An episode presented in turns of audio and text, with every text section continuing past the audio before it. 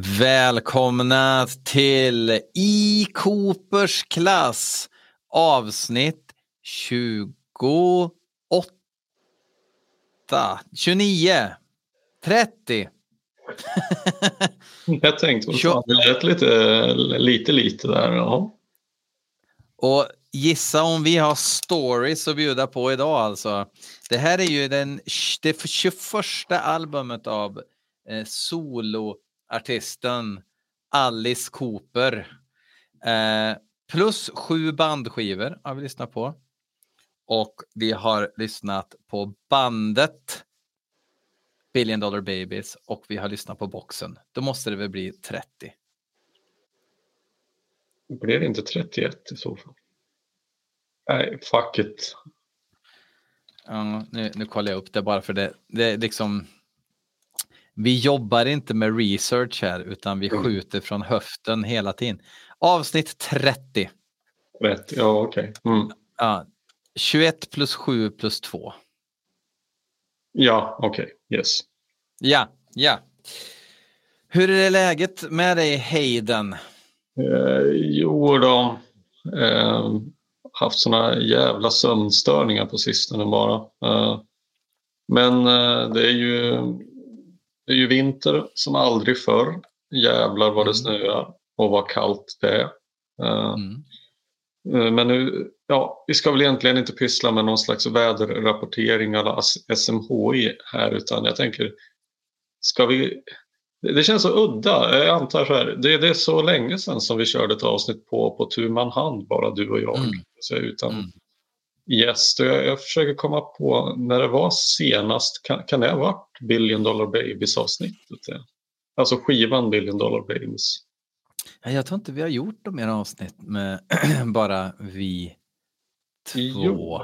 Uh, Easy Action gjorde vi, du och jag bara. Och så tror jag Billion Dollar Babies. Men det är fan de enda. Ja, ja jo, precis. Men inte sedan Billion Dollar Babies tror jag inte att vi har gjort något själv. Ja, Sen har vi gjort lite annat. Vi gjorde ju ett jävligt mäktigt Tribal Ink-knäck eh, bredvid. Mm. Um, vi har gjort bara en årsbästa lista där du pratar om skivor du har köpt det året och jag försökte lägga fram nya fräscha singlar mm. som droppat nyligen. Um, alltså, vi, har, vi har lite andra avsnitt i ryggsäcken också. Tribal Ink-knäcket för övrigt, det, det kommer det ju komma oj, en uppföljare. Oj, oj.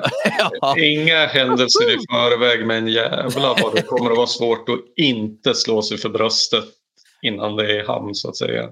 Ja, helvete. Jag så, såg att Rockpodden har Bruce Dickinson nu i senaste avsnittet och man bara... Åh, fan okay, är det jämfört ja. med... Ja intressant, säger man då. och gör kaninöron citationstecken i luften.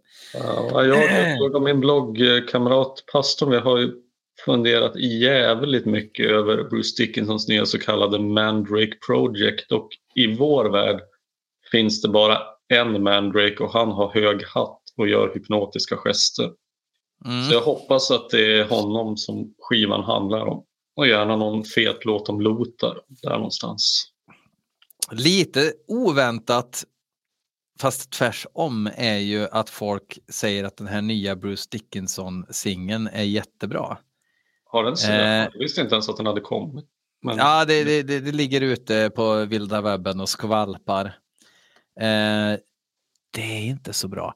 Däremot, en annan sak som man upptäckt också, att det är nog Steve Harris som ändå för det måste man ändå ge dem. De har ju inte börjat spela laptop metal i alla fall som alla andra gubbar har gjort. Um, mm. Utan det är ju, säga vad man vill, men en Iron Maiden-skiva rent eh, soniskt låter ju som en Iron Maiden-skiva fortfarande. Rent ljudmässigt. Jag skulle kunna gå i clinch här och då blir vi aldrig klara, tror jag. Så att jag tror Alltså jag, jag eh, kan inte förstå vad det är du tänker nu och hur du skulle kunna gå i clinch på det. Alltså det låter ju som en Iron Maiden-skiva fortfarande. Man hör ju direkt på ljudet att det är Iron Maiden. Fast det är inte det Iron Maiden-ljud jag vill ha. jag vill inte ha A Matter of Life and Death-ljudet om jag säger så. Jag vill Nej. inte ha Final Frontier-ljudet och jag vill fan inte ha Senjutsu-ljudet. Men vill du hellre att de ska låta som Machine Head som Judas Priest gör nu för tiden?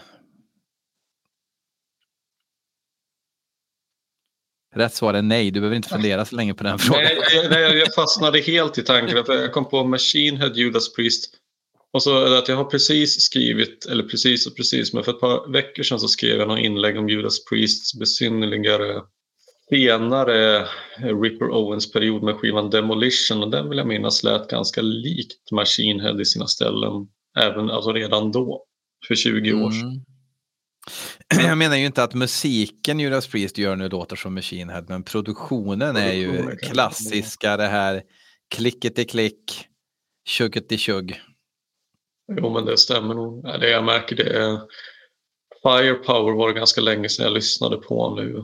Och det, ja, jag känner väl kanske inte sådär vansinnigt nödgad att lyssna på de senare, senaste verken. De, de blir inte dåliga, det tycker jag faktiskt inte. Jag tycker att Priest håller en, en hög klass, som, alltså kanske bättre än förväntat. Men jag kan nog... Eh, Det, det skriver jag under på, men det hade ju varit kul med lite li- mer eh, om det inte hade varit syntljud på skivan. Utan Ja, att, alltså det är ju inte Chris eh, Tsangarides som har spelat in och proddat det där. Det är ju alldeles uppenbart. Nej, jag hade föredragit Bob Rock till och med tror jag. Så att det eh, säger en del. Men skitsamma, vi kan ju inte prata Mm. om, eller ska vi göra det istället? Kan vi inte bara Ja, Vi ska ju prata om den här. Detroit Stories med Alice Cooper.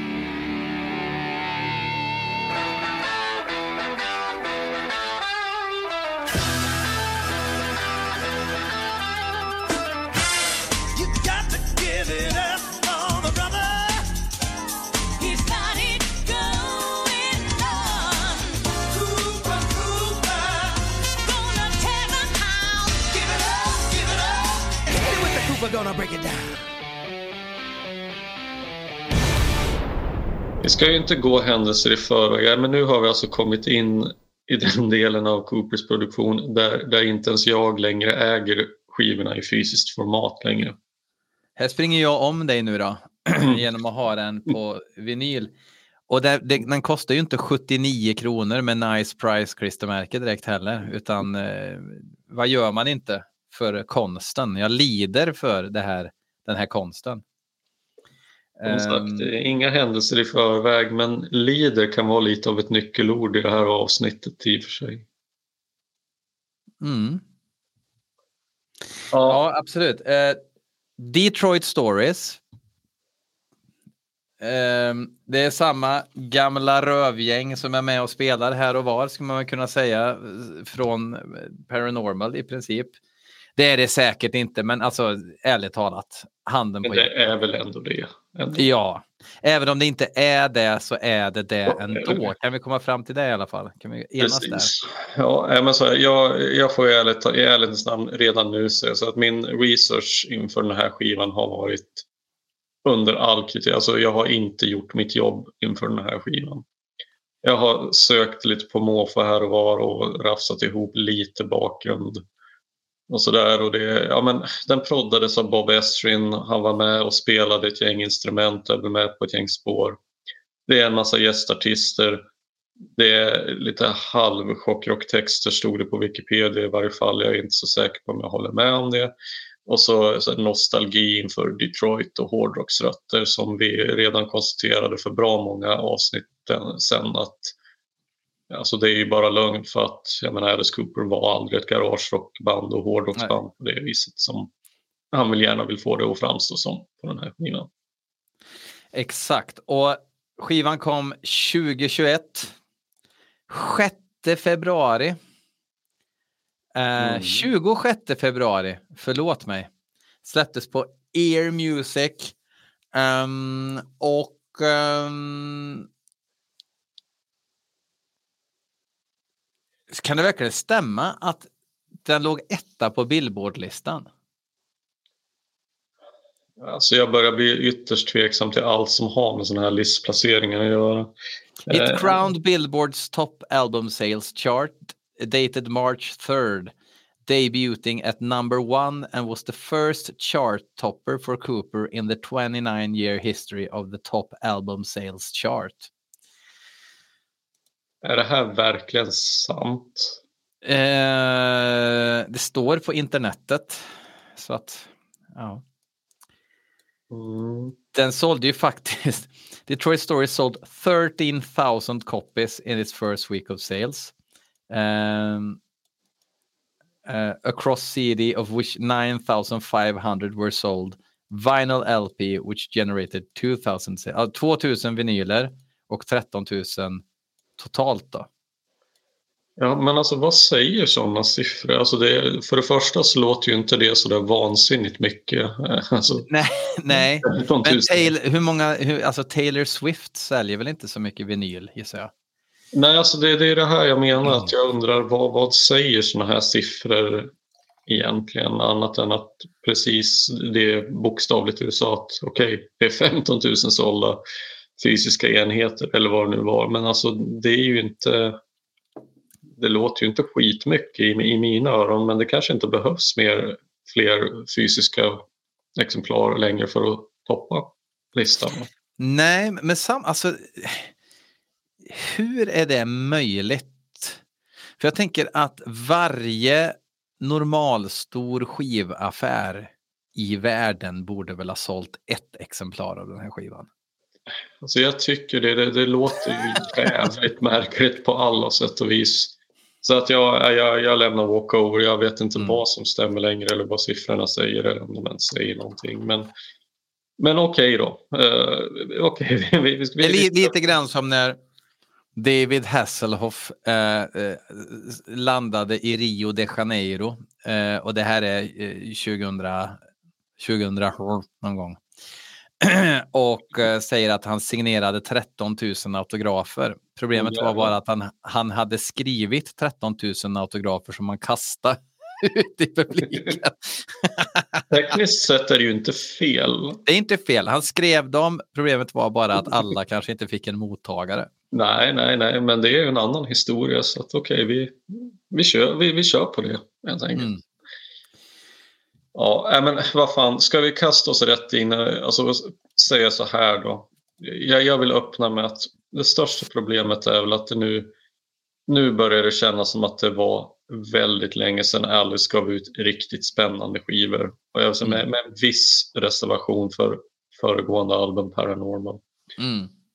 Men det ska inte förväxlas med att de senare skivorna är dåliga för det är en annan sak egentligen. Det, det, det är Mm. mest bara att jag, jag bara får sån uppfattning att den goda Alice vid någon tidpunkt mest verkar ha slutat bry sig om kvaliteten på skivorna han, som han ger ut under sitt eget namn.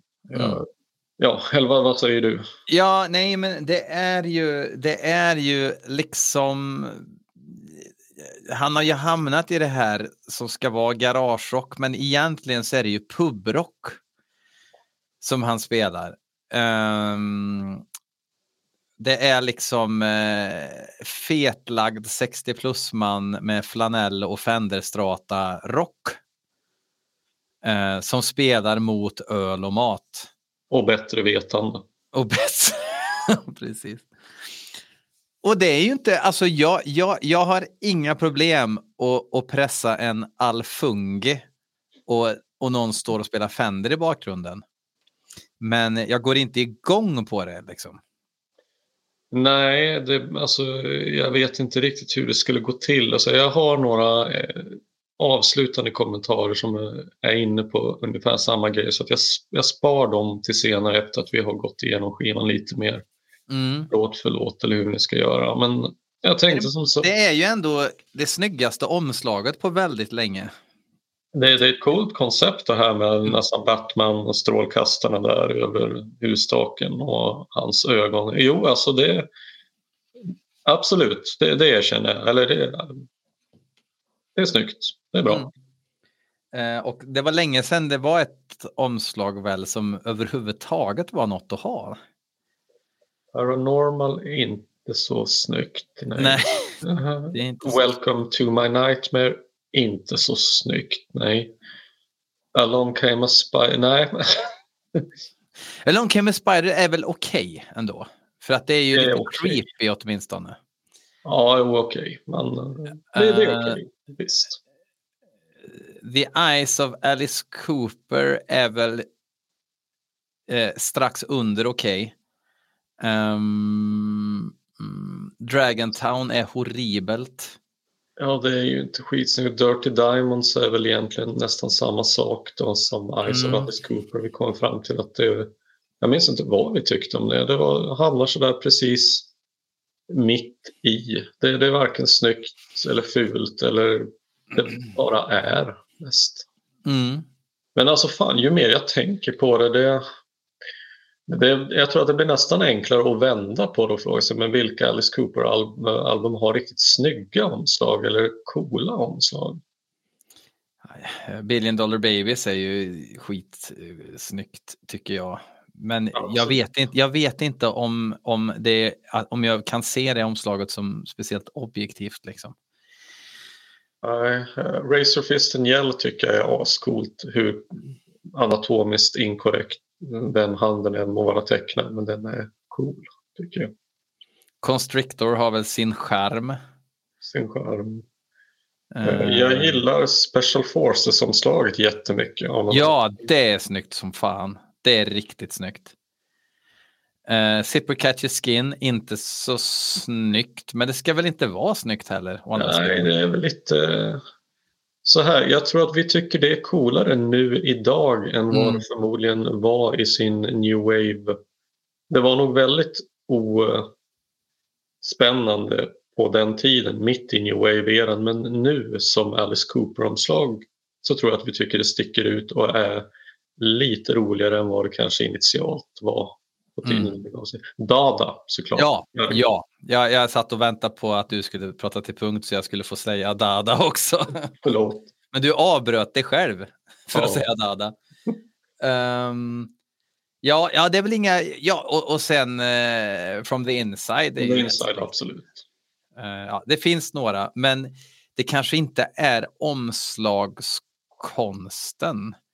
Om, det känns som skivomslag kanske inte har varit så jävla viktigt överhuvudtaget, utan det är mer looken på helheten som har varit viktig. Alltså att, att man har sett Alice i omslagen. Liksom.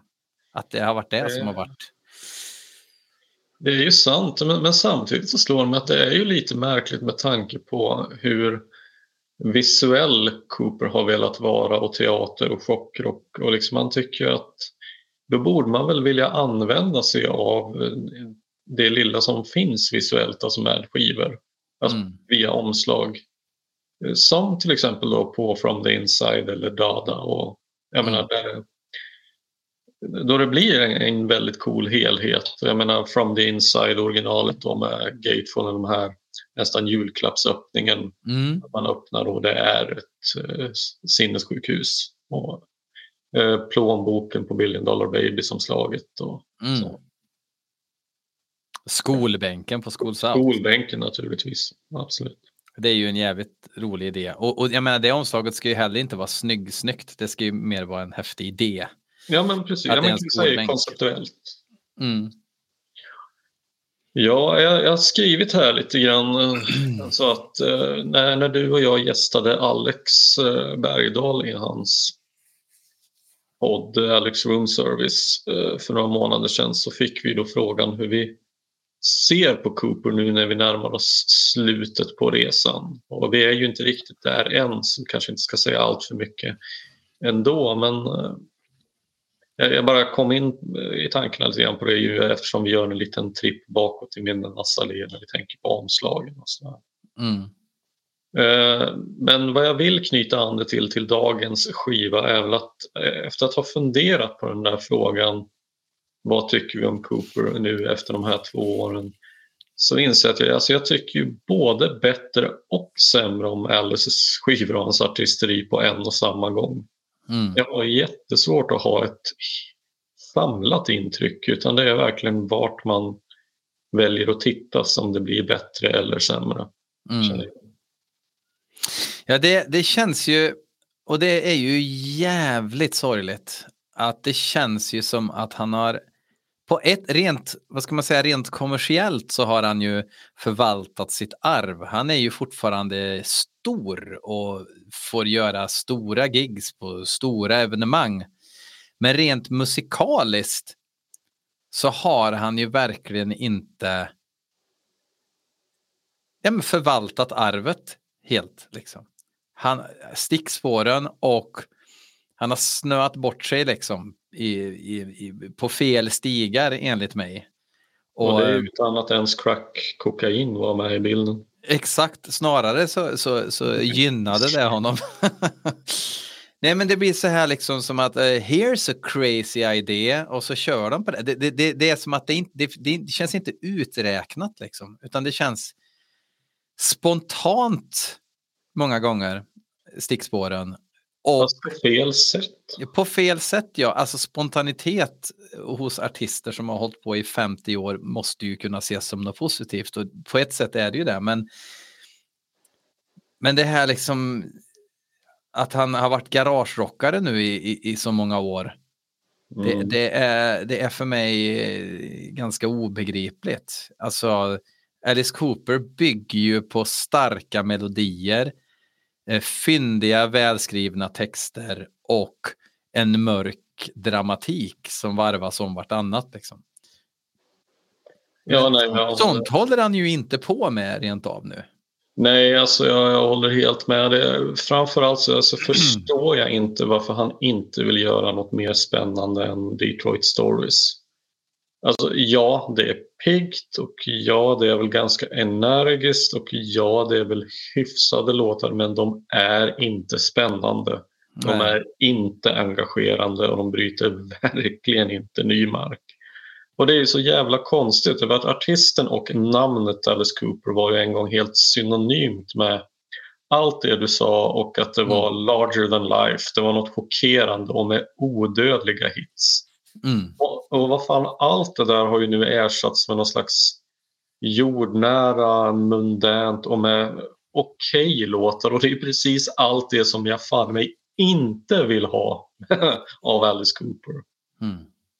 Nej, men, men exakt. Men det är inte dåligt och det är väl fan precis där som det skär sig på riktigt. För jag tänker att Alice själv som han har väl många gånger sagt att man, man ska älska honom eller man ska hata honom bara man reagerar på honom. Mm. Men, men hur fan ska man kunna reagera på allvar på, på något sånt här? Mm. Ja, det, det, det är en eh, fullt rimlig fråga. Det, det är ju den ofarligaste rocken människan har känt. Liksom. Ja. Så det, det finns absolut... Och vi pratade om det med Paranormal också, hur... Jag menar, det är... Alltså de har använt laser för att micka upp gitarrstärkarna. Liksom, så att det är perfekta signaler, allt är perfekt. Och sången låter som att den är precis framför ansiktet på en. Alltså, det, det blir en, en ljudmässig antimystik även i det på något vis. Att du har liksom sången, du, du hör varenda litet uttal. Det finns liksom ingen sån här fuck you rock attityd i det överhuvudtaget, utan det är bara liksom sjunga in den här låten. Och eh, lite reverb kanske, eller någonting, alltså någonting som, som gör att det får någon sorts karaktär. Men det, det är bara så perfekta signaler in i mixerbordet, mixerbordet. Perfekta nivåer på allting. För jag menar, det är ju inom citationstecken bra ljud på skivan. Liksom. Precis, jag tänkte komma till det, även det senare. Men det är visst, och det, och Alice gör som vanligt, men han kör ju bra ifrån sig bakom micken. Men det känns mm. så fruktansvärt mycket på ren rutin och det har vi sagt i för många avsnitt nu för att det ska bara ses som en tillfällig liten svacka. Men han är ett proffs, han fattar vad som behövs, han levererar. Men det känns ju just som ett jobb, ett 9 till 5 jobb. Mm. Och vad fan, Alice behöver väl ändå inte jobba mer i sitt liv. Alltså, om, om det är hans passion det här snarare än levebröd, ja, men då, då ska man väl lägga ner lite mer själ i det. Eller har jag Mm. fått det om, om bakfoten? Ja, men det, det, det är ju det. Alltså, jag tror att han tycker att det är kul. Men varför gör han det? Ja, När det låter så det- här? Det, det har jag ingen aning. Det är väl kul att träffa kompisar och jamma. Kan han inte göra det ändå då? Alltså... Ja, Jo, jag jo, jo, jo, jo, det skulle han ju. Han har ju Hollywood Vampires. Jag menar, det, kan- Ja, det, där kan han väl hålla på med sånt här.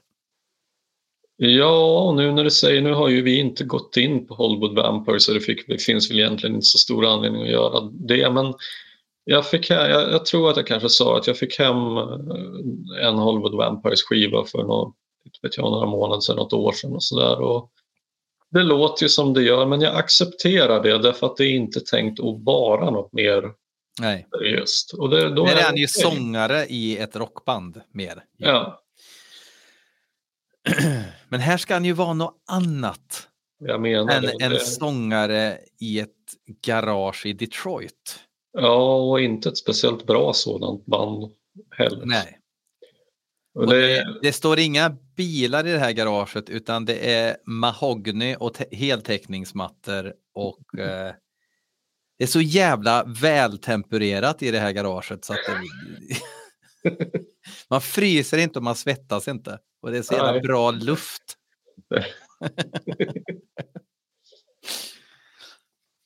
Fan, nu bara, vilk, vilket band var det som hade Meatloafs producent är Jim Steinman. Vem, vem, de, det var något band som hade honom som producent men kickade ut honom när han till sist insisterade på att få speciallevererade persiska mattor till studion. Ja, vilka fan kan det ha jag- varit? Ja, fan vet, det skulle till och med kunna varit typ Sisters of Mercy för han var med där och Va? ja, han har proddat Sisters of Mercy. Jävlar vilken mindfuck. På eh, ja, men sista skivan, eh, vad är, är det Floodland som är, nej inte Floodland utan Vision Thing. Lär ha varit med. Åh fan. Det ha, har man ju svårt att förstå. Jag vet, det är så konstigt. Ja, men ingenting är ju på riktigt. Det har Nej. vi sagt många gånger. Apropå eh, inte på riktigt, ska vi ta första låten här nu då? Ja, vi gör det. Vi gör det. Som heter Rock and Roll. Jenny said when she was just five years old, there was nothing happening at all. Every time she turned on the radio, there was nothing going down at all. Then one morning on a Detroit station, couldn't believe what she heard at all.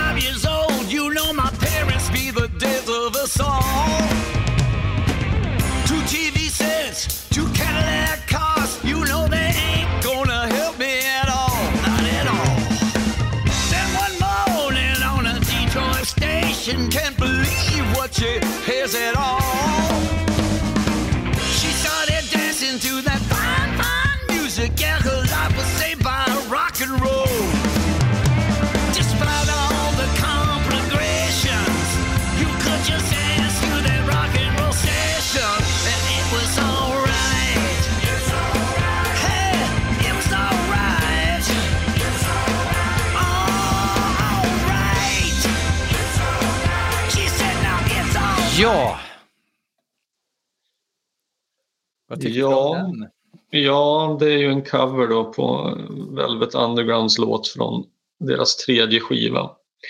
Och lagom då hade John Cale lämnat skutan och Velvet Underground hade därmed blivit allt mer ointressant. Men okej, det är väl en tematiskt passande cover i sammanhanget. Alice sjunger bättre än Lou Reed, det får jag ge honom. Mm. Och det låter okej, men det är precis det det är. Det är okej. Och då snackar vi inte det bra okej från mitten av 80-talet om han satt vi. Nu pratar vi okej anno år 2002 med 18s på omslaget. Ja, jo men det är en, en ofarlig rökare som öppnar eh, skivan. Ja, det, alltså det är, det är ju inte jättedåligt och, jag- och det kommer jag säga tusen gånger det här, den här för att ha något att säga.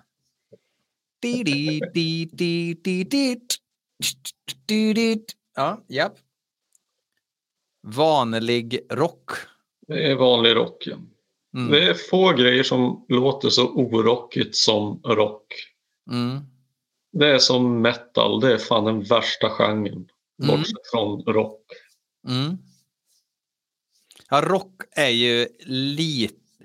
Alltså, bara tanken på att någon tar fram en Gibson Les, Paul och spelar ett solo eh, må, får en att må illa liksom, om man, inte, om man inte vet exakt vad det handlar om. Alltså ett generiskt rocksolo, finns det något tråkigare än ett Dregen-solo liksom? Nej, det, alltså, jag lyssnade. eh, Mattias Indy Pettersson eh, skickade en länk till mig i, i en, på, från en podd där han pratade om Bathory's Under the Sign of the Black Mark. Och I det avsnittet så berättade han om sin barndom där han spelade in låtar från radion men bröt inspelningen så fort det kom ett gitarrsolo. Och det respect. 10 av 10, du gjorde helt rätt.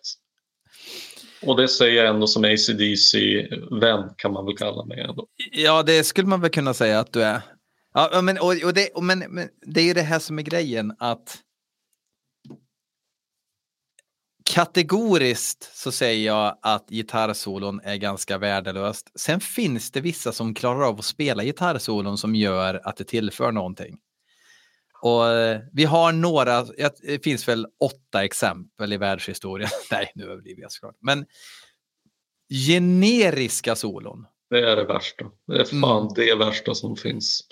Och vem som i helvete kom på att det bara skulle vara så. Alltså det, det var, alltså seriöst var det väl mycket därför som man fastnade så mycket för, eh, men kanske framförallt eh, black metal eller andra generations black metal, att de helt enkelt skippade gitarrsolon istället. För, alltså, de bara sket i det. Så fick man Mm. lyssna på något annat. Mm. Ja, jag vet inte. Jag har, det, Jag har aldrig, aldrig tänkt på att det kanske finns en sån koppling där att man låter att man låter liksom teman och melodier föra låten vidare snarare än eh, en räka. Mm. Men samtidigt då när man hör ett svinbra gitarrsolo. Då, ja men så här, alltså. Det finns ju exempel på bra, det har ju gjorts något bra gitarrsolo här och där. Ja, jag menar historien. absolut. Men token gitarrsolo Token, ja. kan Gud. dra åt helvete. Exakt så. Ja, till nästa. Det- Vi är på första låten av Vi, din vi pratar om allt. Du gitarr... märker, märker att vi pratar om allt utom själva låten. Är det gitarrsolon på Lulu förresten, när vi ändå pratar om Lou Reed? Jag, jag tror inte jag har hört hela Lulu. Ja, Och du ja, gillar ju den. eh, Ja, nu. Jag Är det tyckte att- L på Lulu-tatueringen jag ser kommer upp över Ja, t-shirt? Eh, visst. Fy fan vad jag skulle vilja ha en Lulu t-shirt nu när du ser det.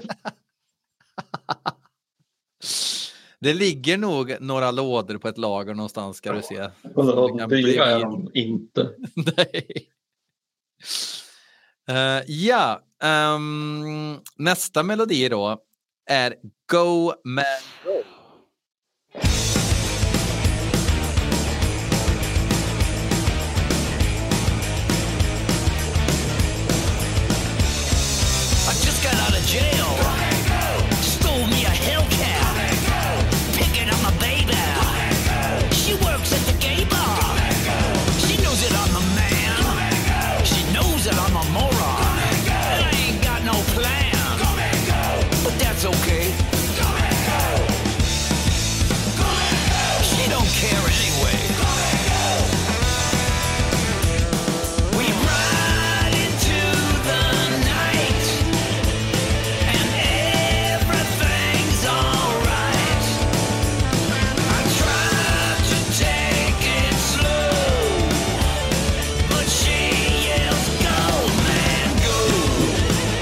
Okej, ja, den här framfördes ju eh, av, av honom när vi såg honom förra året, då, 2022.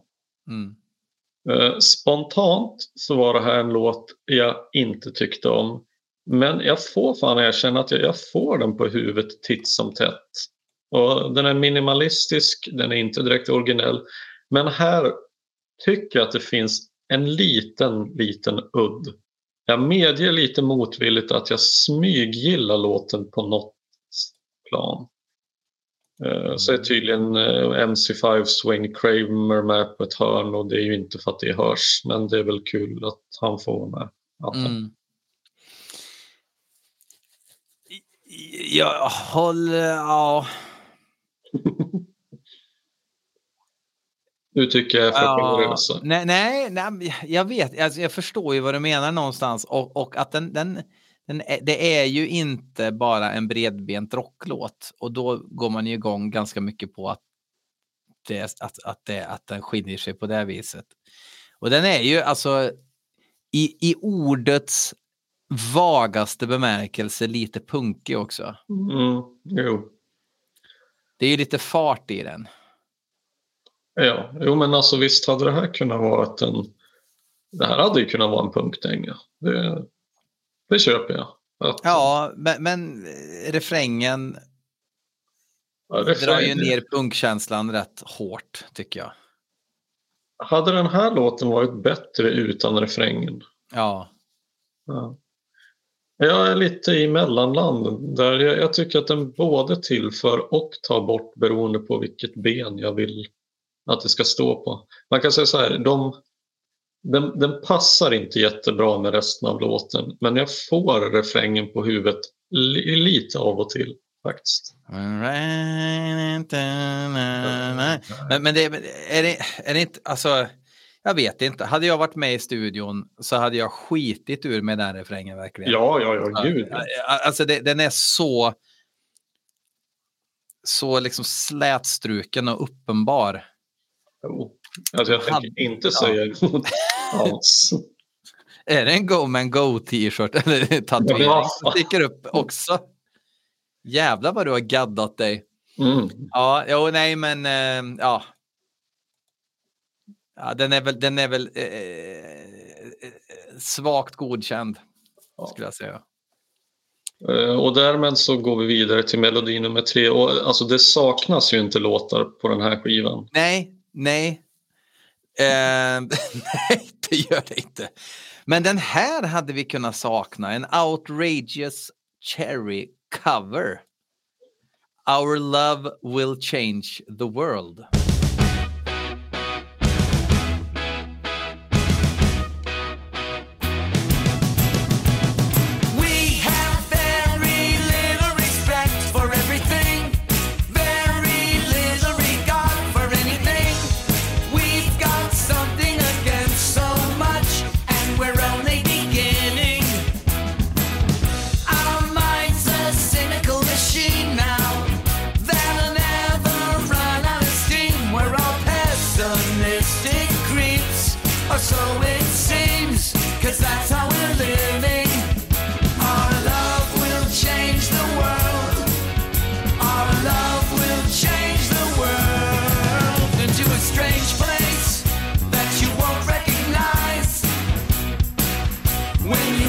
Into its eyes, our love will change the world.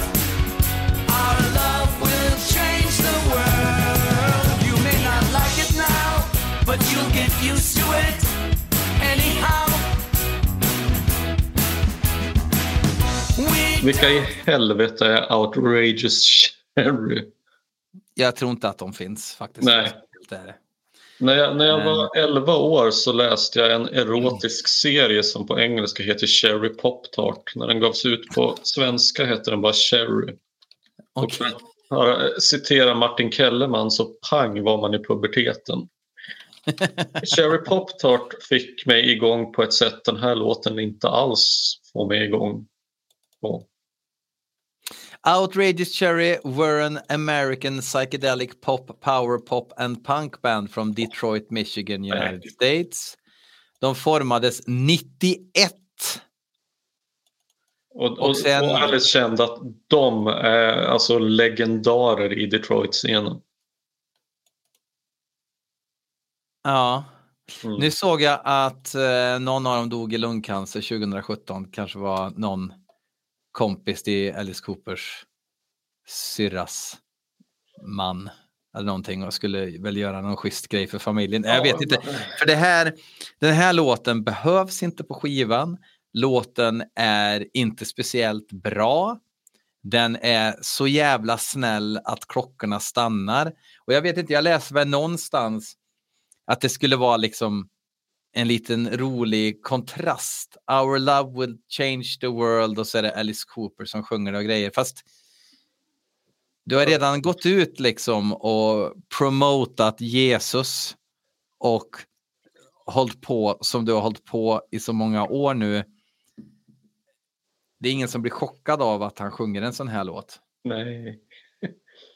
Nej, det, jag vet inte, det är Beatles garage och det, det är inte direkt dåligt. Det är bara så förbannat intetsägande. Och det är, ja, nej, chocken uteblir, den får man säga. Ja, jag, tycker, jag, tycker inte, jag tycker inte att det är bra ens. Alltså, jag tycker inte att låten är bra. Alltså, de framför den väl bra, sådär, men det är ju, jag tycker inte att det är en bra låt heller. Alltså, ska man göra en cover, då ska man ju, det ska ju vara en dräpare liksom. När man gör en cover. Nej, Annars men kan man alltså, lika gärna jag- göra en egen låt. Ja, Alltså jag, jag undrar ju hur mycket Alice själv skulle ha lyssnat på de här låtarna om han inte hade varit med och spelat in dem själv. Jag har ju jävligt svårt att tänka mig att Alice suttit och stendiggat Outrageous Cherry. Och sen att det behövs ju så otroligt mycket mer för att sånt här ska lyfta. Det, det här det är lite pianoklink och det är lite solgitarr. Mm. Och det gör mig lite förbannad för att jag tycker det finns bra exempel på när man kan göra enkla rock, rocklåtar som har något eget och som är kul och har något kul att förmedla. Och det, Mm. eh, min favorit är på det norska Jocke och Valentinerna. De är ju helt okända här i Sverige men eh, väldigt enkla rocklåtar. De- Det går inte att kalla dem originella men med jävligt bra texter så blev det någonting eget och då, då blir det som en bra kontrast. Alltså då, då funkar det med välkända ackordföljder när du har en egen dimension i det och du har en, en egen text. Men har du inte det, ja men då är det ju, då är det ju så nära AI-genererad surrock som det bara kan. Mm. Och med det sagt tycker jag vi kan hoppa en gång till. Yes, ehm, social debris.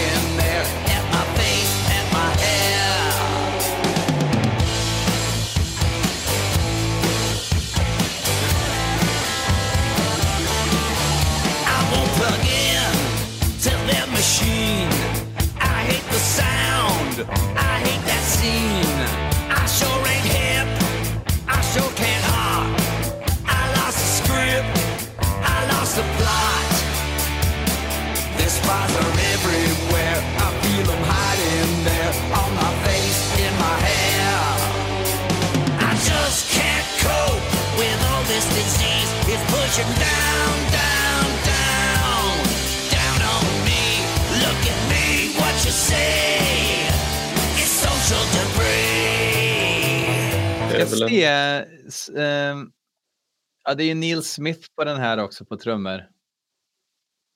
det hör inte jag, men det kanske är det.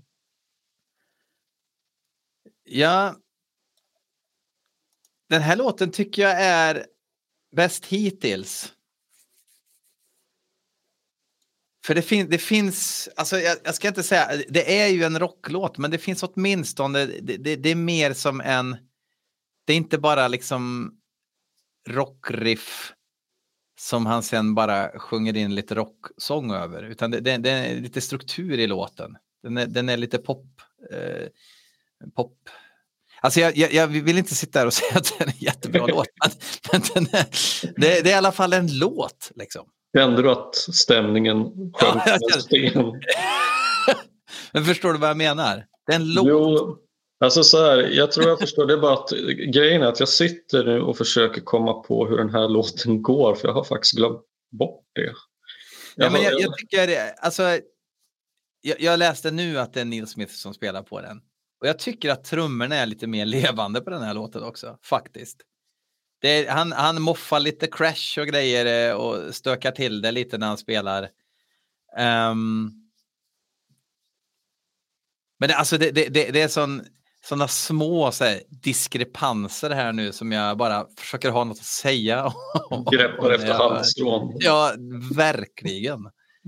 Sen ja, okej, det är väl, jag antar att textmässigt sett så är det väl en låt mot, mot narcissism på sociala medier, antar jag. Och jag kan väl tycka att, alltså återigen, när- när vuxna män ska berätta för kidsen hur internet fungerar Mm. Och att det blir kanske lite sten i glashus, för jag tror väl inte att Alice själv kan sägas vara helt oskyldig till så att säga, att ha lite narcissistiska drag. Och, Nej, att ha varit känd för att gömma sig från kameror och uppmärksamhet skulle jag inte heller påstå. men det är jobbigt när alla andra också ska göra det kanske. Det det. gnager lite. Ja, nej, men det, det är ingen fantastisk låt. Men det händer åtminstone. Det finns lite bryggor och lite oväntade partier så där som känns skrivna och genomtänkta. Liksom. Och det tycker jag inte riktigt att det gör ens i din favoritlåt Go Man Go. Jag lyssnar inte på någonting annat än Go Man Go.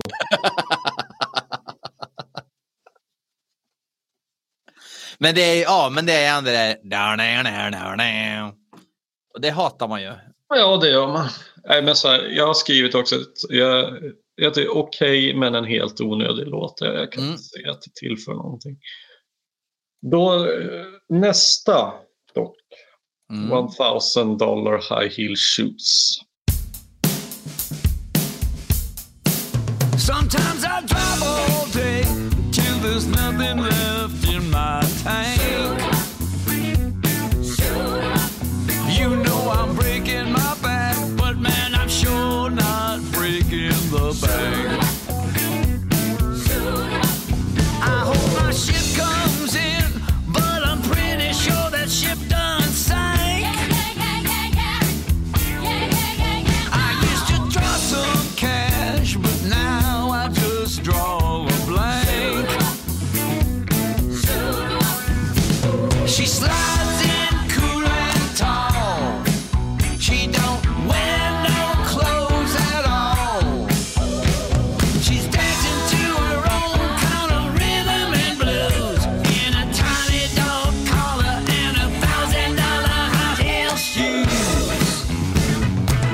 Jag tycker det här är lite roligare därför att det låter mer James Brown och Motown än tråkig garage.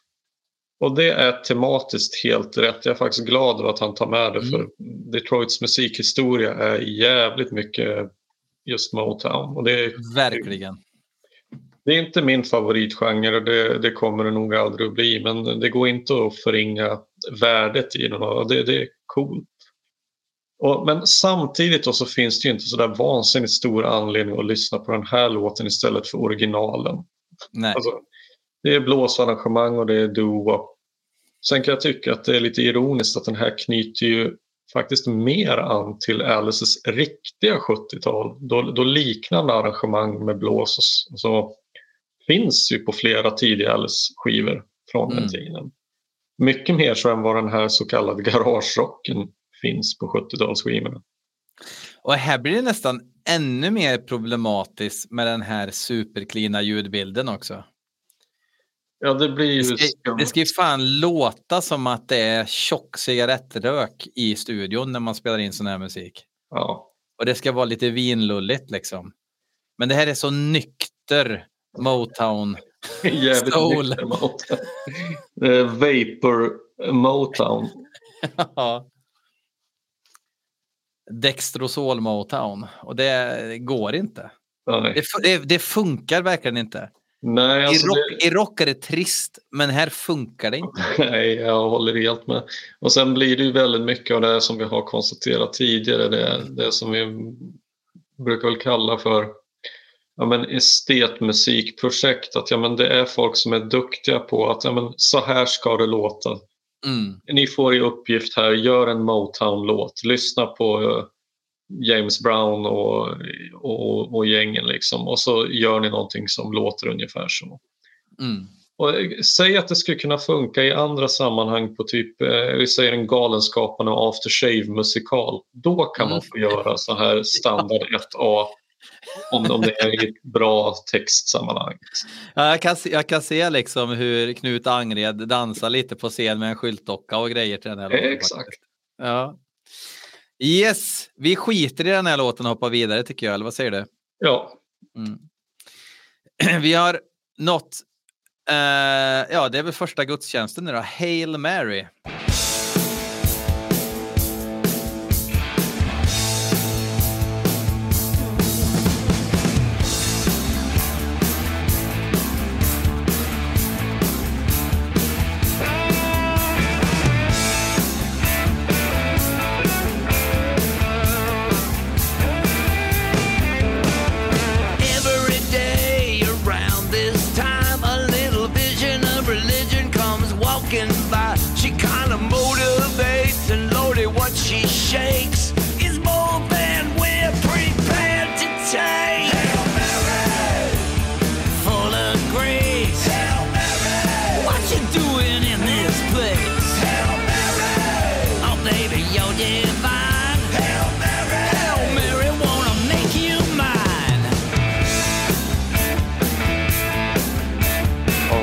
Ja jag, jag, glö, jag lyssnade på skivan och glömde visst bort att göra anteckningar men jag skrev att det lät väl som man tänker sig. Så att, eh, över till dig Björn. Ja, men jag, alltså, vad, vad finns det att tillägga efter en sån målande beskrivning av Hail Mary? Nej, men nu, nu, är det, nu är det ingen låt längre, utan nu är det bara rockjam. Mm. Okej, Ja, där satt fuck off på den och så tar vi nästa. Detroit City.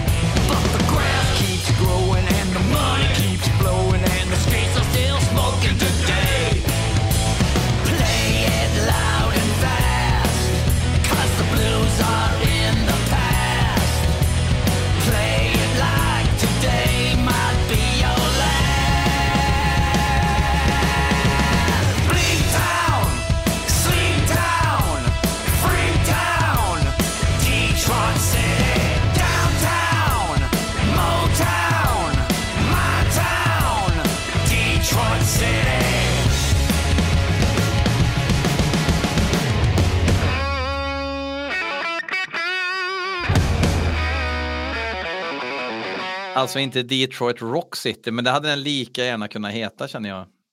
Kan vi inte bara alla enas om att de enda som får sjunga om rock i Detroit är Kiss och då under strikt kontrollerade former? Ja. Helst inte får- som avatarer om jag ska vara riktigt Nej. jätte. Ja, både det. Nej, men alltså jag vet inte. Den här låten. Nu känns det som att vi har nästan öppnat flod, alltså det är en uppdämd flodvåg av en slags vuxen mobbing mot senare Alice Cooper som eh, blommar ut. Men på riktigt, det här får mig faktiskt att rodna. Play it loud and fast, cause the blues in the past. Ja men jösses. Rockin' with the MC5 och det är garagegubb-shuffle utan några delikatesser. Och när Alice börjar pseudorappa så låter han som ja, redan nämnda David Hasselhoff när han sjunger Do the Pingo Dance. Och jag är inte ens ironisk nu. Nej. Nej men det, det är så svårt när man inte har något att säga. Att det bara tjocka ducka ducka tjocka tjocka ducka ducka dacka Detroit rock city loud rock. Okej. Mm, Okej, Ja. Vi- jag hör dig. ja. Jag jag vet inte om jag nämnt det förut, men någon gång så skulle jag och Dr. Panström försöka skriva ett inlägg där vi skulle redogöra för vilken den mest mediokra skivan av av McTatus eh, andra skiva och någon Cradle-skiva från 2008 och ja, någonstans där så inser jag att det finns inget som är så svårt att försöka skriva om som det som är generiskt mediokert. Och Ja men vad fan, det går inte att såga, det går inte att hypa, det går, inte, det, det går fan inte att göra någonting. Nej. det. Man kan ju inte säga... Det, det är väl, alltså, det, man kan säkert attackera en del texter och sådär och göra sig lustig över det, men det är svårt att, att göra sig lustig över någonting som inte väcker en enda känsla i hela kroppen. Liksom. Nej. Nej, och om man alltså, inte kan göra sig lustig över saker så finns de ju inte. nej. Det är ju det är den nya filosofiska frågan. det går att göra sig lustig över mig, därför finns jag. Lite grann. Ja, jo. Ja, men det är som att och liksom göra sig lustig över mjölk. Det kan man ju för sig komma på Ja. ur, ur, ur olika. Men, men ja, nej men Detroit City, en, eh, ja, så, så som vi har sagt nu helt enkelt. Ja, nej men det och så här, jag, jag ska villigt eller ovilligt, det vet jag inte, men jag får ändå erkänna att den här texten, alltså när Alice sitter och pratar om allt som var bra med Rock i Detroit och sådär. Vet du i vilken utsträckning det här stämmer? Alltså hur mycket hängde han med alla de här gubbarna och kvinnorna? Och var Alice Cooper verkligen Mm. så stor i Detroit som han själv vill få det till? Alltså jag, jag har ingen aning. Alltså, jag har inte läst golfboken heller där han kanske skriver om det här. Eh, så jag, jag har faktiskt inte en susning. Jag har bara aldrig tänkt att han har gjort det. Han hängde väl med, han försökte väl hänga liksom, det var ju Liza Minnelli och uh, Groucho Marx och de där. Han ville väl hänga med Hollywoodfolket framför nerbajsade snusk-punkrockare från Detroit liksom. Men det är kanske där, precis nu sätter du fan med fingret på någonting som har legat och gnagt utan att jag har alls kunnat formulera det själv. Det är, väl- alltså att, det är någonting i det hela som känns väldigt off och som känns tillgjort. Och jag kan ha fel i det men att, de, att bandet flyttade till Detroit och så att säga fick sig en publik där. Okej, det verkar vara ett faktum. Så verkar det vara. Mm.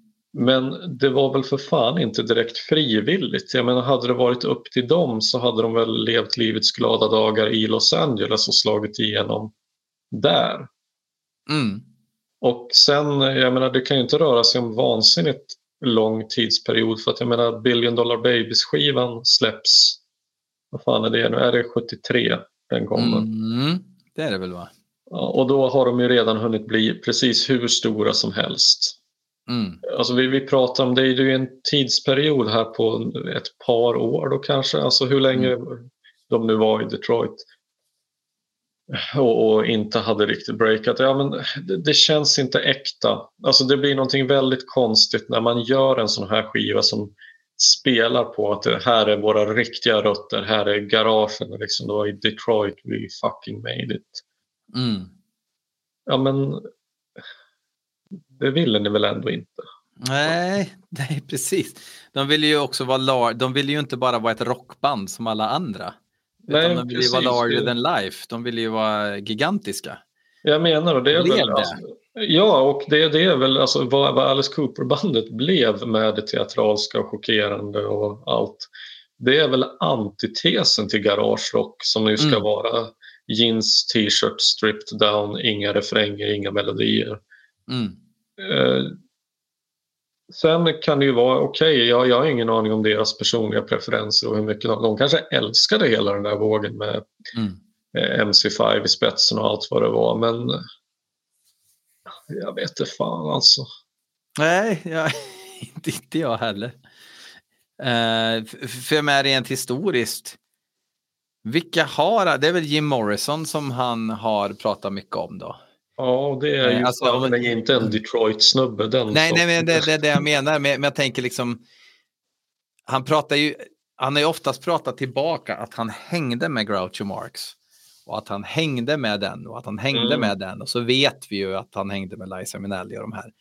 Men eh, Jim Morrison pratar han ju i liksom att han hängde med, alltså i tätt inpå Jim Mm. Morrisons bortgång.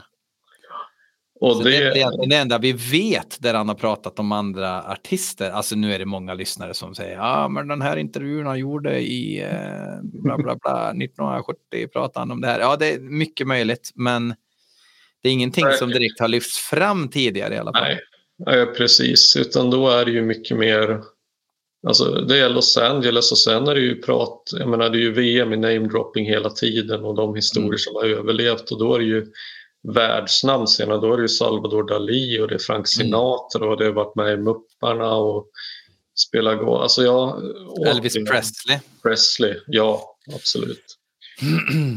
Så att jag, jag Och han var ju inte bajspunkare från Detroit. nej. Drunk and in love.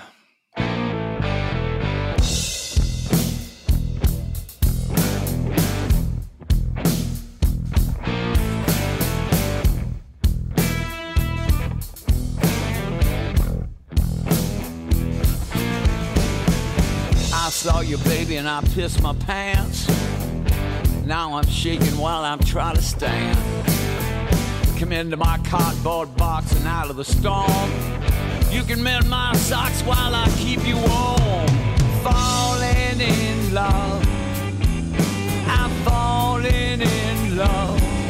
Who'd have thought I'd be drunk as a skunk and falling in love?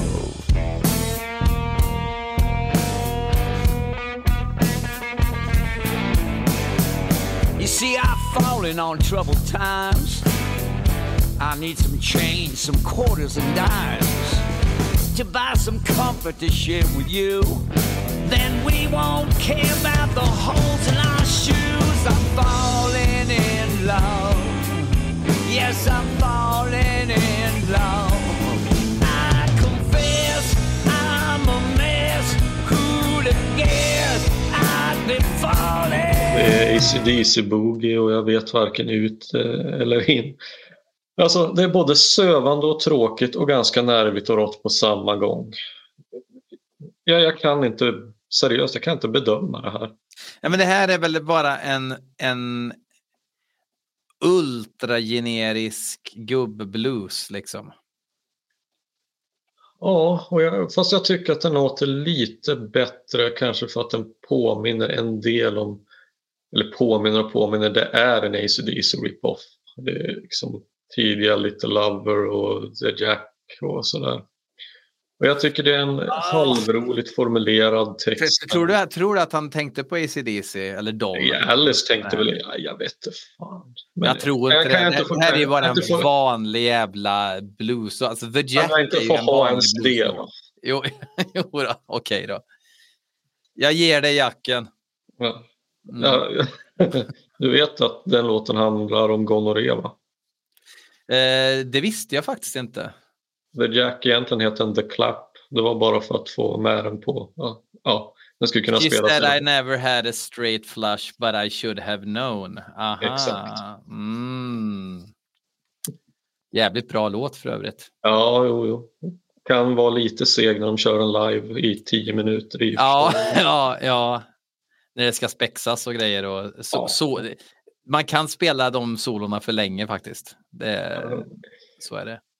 Men, men så här då, okej, det här Drunken in Love, det är givetvis ingen kanonlåt. Men jag vet inte vad som gör det, men jag tycker att här låter soundet lite mer skitigt och äkta än på många andra av låtarna på skivan. Det är som att det för en gångs skull finns lite skit och smuts under naglarna och lite bajs i kalsongerna. Och så var Danny Stanovic ska ha varit med och skrivit i alla fall. Jag vill få det till att det ska betyda någonting. Jag vet. Ja, det har han. Men alltså, kan man skriva, kan man skriva en sån här låt? Alltså, jag kör en blues 12. Jag skrev den. Va, va, va, hur vet du att du skrev den? Du sa ju bara en blues 12. Ja, men jag skrev den. Ja, Okej, du skrev den. Jag vet, jag, jag kan givetvis inte argumentera emot men Jag har också skrivit den här låten. Du har ju skrivit den här låten. jo, jo, jo. Men, alltså, men man ska, jag har typ fan 15 skivor med John Lee Hooker och där är det ju inte mycket annat än blues 12 och, Nej, men, men där hade han ju även ett uttryck då. Ja, jo. Som, som var hela grejen. Alltså mycket blues handlar ju om de här The devil is in the details liksom. Ja. Men det här, låter, det här låter ju för mig som, som när jag gick musikgymnasiet. Liksom. Ja, eh, kör en blues 12 nu och så sa jag till trummisen först och så hängde alla på. Mm, Det lät exakt så här. ja, Fast Ja. skitigare. jag vet. Ja, jag, jag, jag lämnar walkover. Vi hoppar Mm. till Independence Day istället. Och Ja, till en ny blues va? ja. I got no shame, I ain't to blame, I got no memory.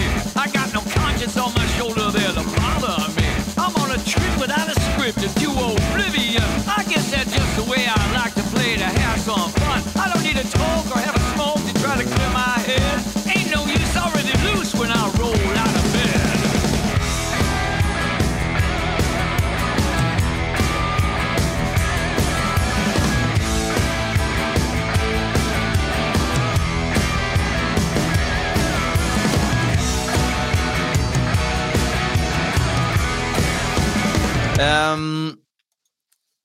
ja, men jag, jag, tycker ju, jag tycker ju inte om sån här musik.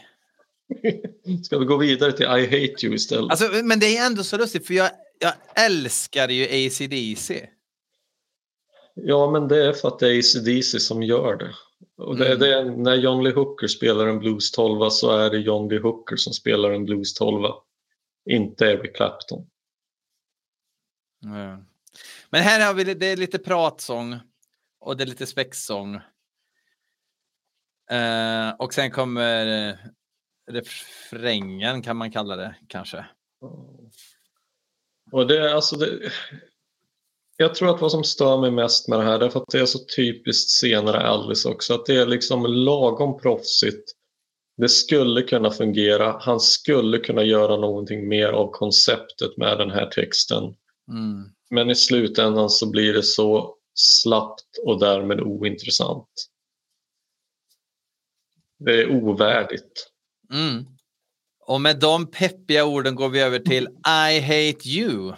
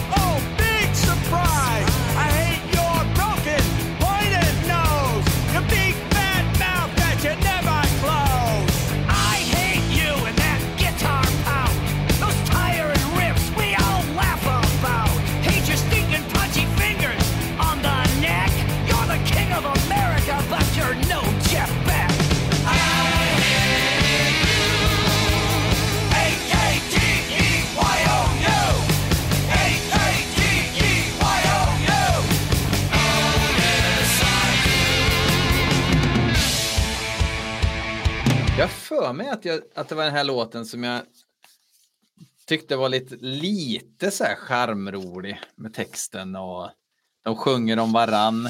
Alla sjunger ju på den. Och vilka är alla då? Eh, jo, det är ju Dunaway. Ja, eh, det- är ju eh, Neil Smith på trummor på den här också tror jag. Tror jag att jag läste. Ja, det är, de- muckar på varandra i princip. Ja, men precis. Och så är det en Ja. inbördes roast av alla medlemmar i originalbandet, då, förutom Buxton. Och Ja, det, det, är ju inte, det är ju inte LOL, är det ju inte. Men, men, det, men det var ändå lite... Ah, Det är lite kul, jag håller med nu. Och det jag gillar att eh, det är minimalistiskt men jag gillar åtminstone bättre än dåligt spelade generiska blues-tolvor. Det, det har Ja. faktiskt lite nerv, det är lite skitigt och det är kort och det är koncist. Så eh, okej, godkänd låt kan man säga. E H-A-T-E-Y-O-U. Mm. Ja. ja. Skitsamma. Wonderful World. You're only human, it's okay. Don't bother with morality. It doesn't sound like fun to me. And if the truth gets in the way, bend it, twist it, that's what I say. I wanna get in trouble with you. I wanna hit and run with you. I'm gonna be the air you breathe. I'm gonna teach you to deceive. It could be a wonderful world if all you could only see. It would be a wonderful world if everyone was just like me, just like me. Alltså, hur många låtar är det på den här skivan? Jag tycker vi har pratat om flera hundra. Vi har faktiskt, det, det är bara fem låtar kvar med uh, Wonderful World. Ehm, Ja, det, är- det är shuffle, men okej. Men det är någon synttrumma som i alla fall förändrar ljudbilden lite. Jo, men alltså så här, det, det här är lite mörkare och har en ganska skön, udda stämning. Mm. Okej, den generiska ackordföljd, det är inget jag kommer att slå på fler gånger, men jag tycker att det finns något här. Det finns till och med en hyfsad, eller i varje fall en godkänd refräng. Det är lite spacade, flummiga keyboardljud. Mm. Det låter egentligen mycket mer Marilyn Manson än vad det gör Detroit Rock och det är en ganska hygglig Manson faktiskt. Mm. Så jag, jag har inte Ja, men ja, det är ju en riktig refräng. Ja, det är det. Kanske den bästa refrängen han har haft på jättelänge. Ja, ja, jag tänker nog... Ja, på den här skivan är ju nog det i alla fall. Ja, ja, ja jo, det är det ju. Ja, det Men jag gillar, jag gillar ju några grejer. Mm, Ja, precis. Ja. Eh, Men eh, ja, den här är okej. Eh, Mm. Han behöver inte skämmas för någonting här. Nej, den här låten hade han kunnat kört live istället. Ja, jo. Ganska, ganska pigg refräng och man blir lite lurad av att nu blir det mer generiskt här igen med versen. Och versen är ganska lång också. Du, du, du, du, du, du, du, du. Och bara, åh. Och så kommer ändå refrängen och det öppnar upp och den är lite poppig liksom. Ja, men jag, helt okej. Den, den, får, den får vara med och leka. Mm. Det tycker inte jag att nästa låt borde få vara. Nu ska vi köra lite MC5. Har du tagit på dig de skinny fit blå jeansen eller? Det har jag faktiskt. Ja, okej. Ja, MC Fire. Jag har långkallshippor under.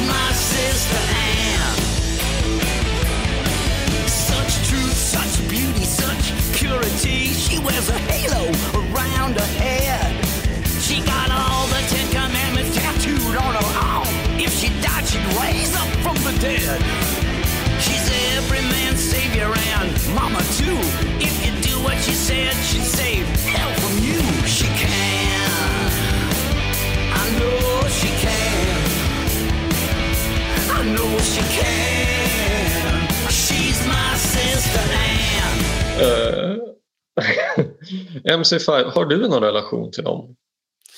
Eh, Min första relation var när Entombed körde cover på Kick Out The Jams. Eller vet du vad? Jag tror min första relation var när Presidents of the United States of America körde Kick Out The Jams.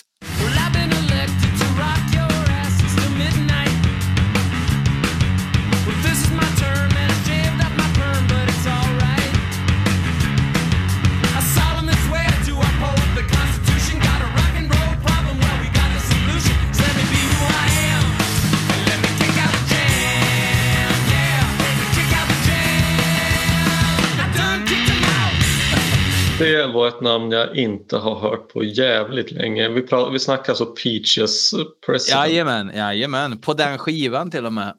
Herregud. Ja. Så här mycket har ingen pratat om dem på 20 år. De, de hade ju även signaturmelodin till Drew Carey också.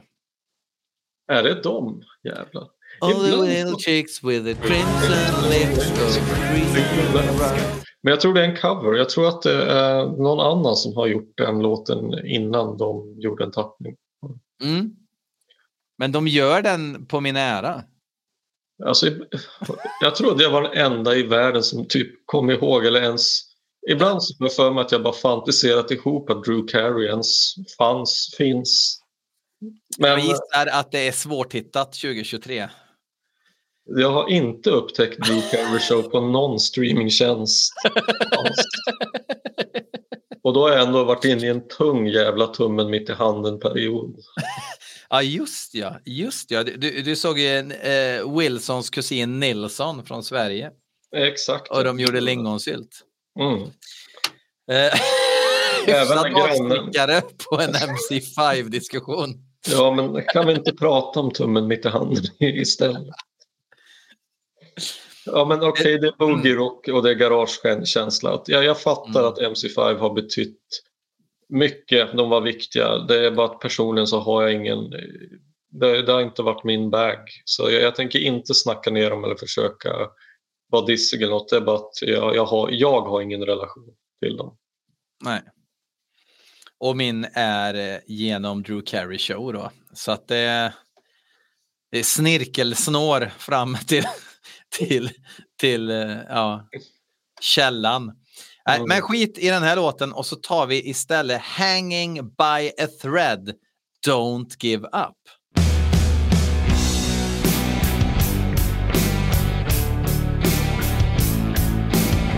Yeah, I know you're struggling right now. We all are, in different ways.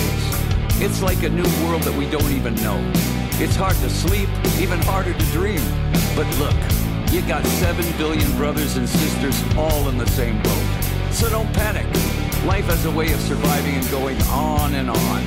We're not fragile, and we sure don't break easy. You know it's so hard to cope when you're just hoping there's hope. We're all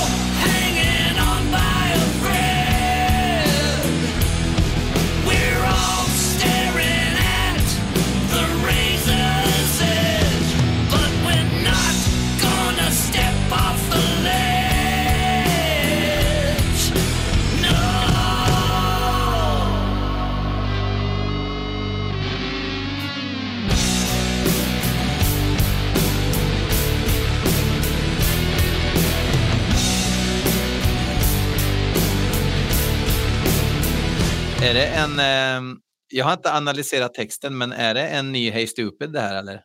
Det är det. Alltså det är ju, jag tycker faktiskt det är väldigt gulligt när Alice tar sitt sociala ansvar och säger åt människor att inte ge upp även när det är tungt. Sen Mm. vet jag inte om, om den här skrevs i, alltså för, i samband med pandemin eller om han gjorde en Elton John med Candle in the Wind och helt enkelt ändrade den till att handla om pandemin. Men, men det, alltså, det här är ingen dålig låt tycker Nej. jag. Den påminner mer om Hey Stupid och Last Temptation än den här vidrigt torra garagerocken. Det påminner faktiskt, den skulle kunna vara med på Dragon Town också med lite mer Ja. industri... ehm. Precis det har jag skrivit. faktiskt. Oj, är det sant? Ja, ja. Hade också kunnat varit med på Dragon Town. Så är Stupid Temptation och Dragon Town. Mm. Jag. Skulle vilja, jag håller ju på och skriver en anti-självmordslåt till mitt fake AOR-band Win.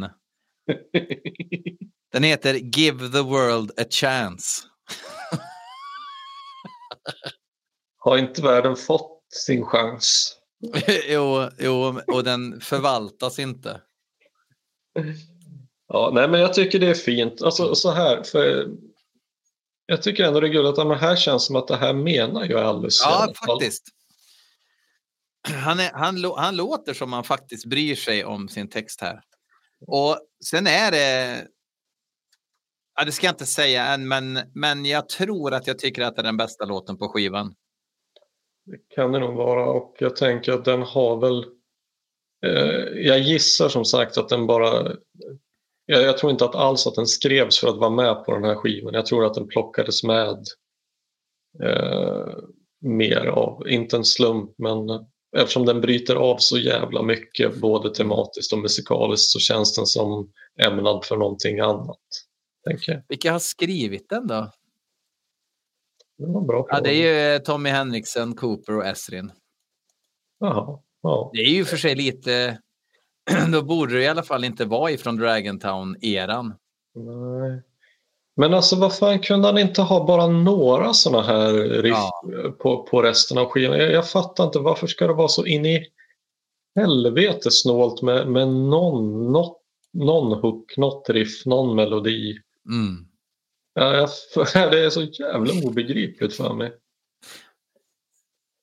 För, för jag tänker, tänk om man tycker att det är bra bara, musiken.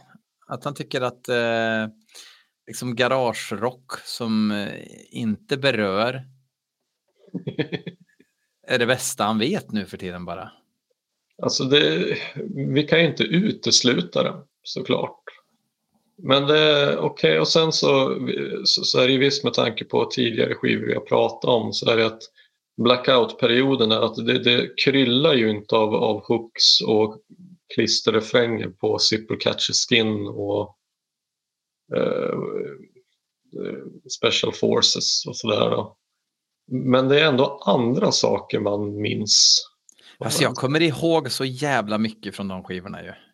Ja, jag gör ju det jag också, men jag kan så här, egentligen inte riktigt svara på... Jag försöker bara vara lite djävulens advokat. Mm, ja, liksom, mm, om- mm.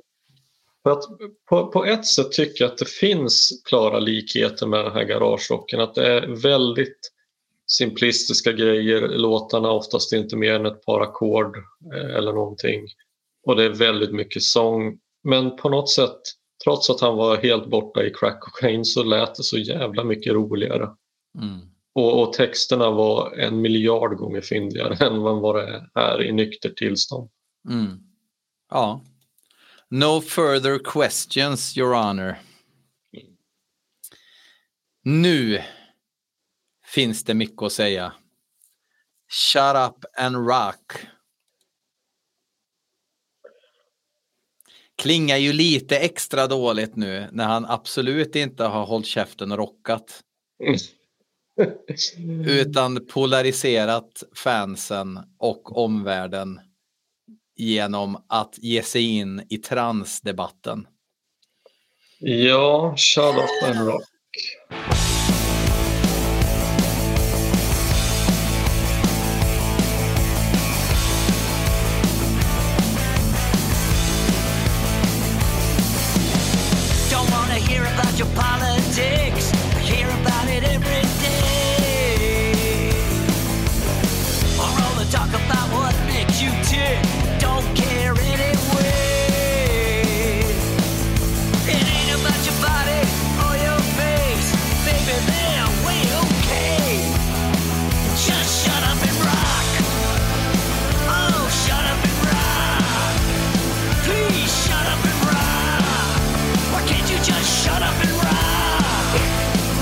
Ja, herregud. Alice ja, alltså, efterlyser med den här låten antipolitisk rock'n'roll.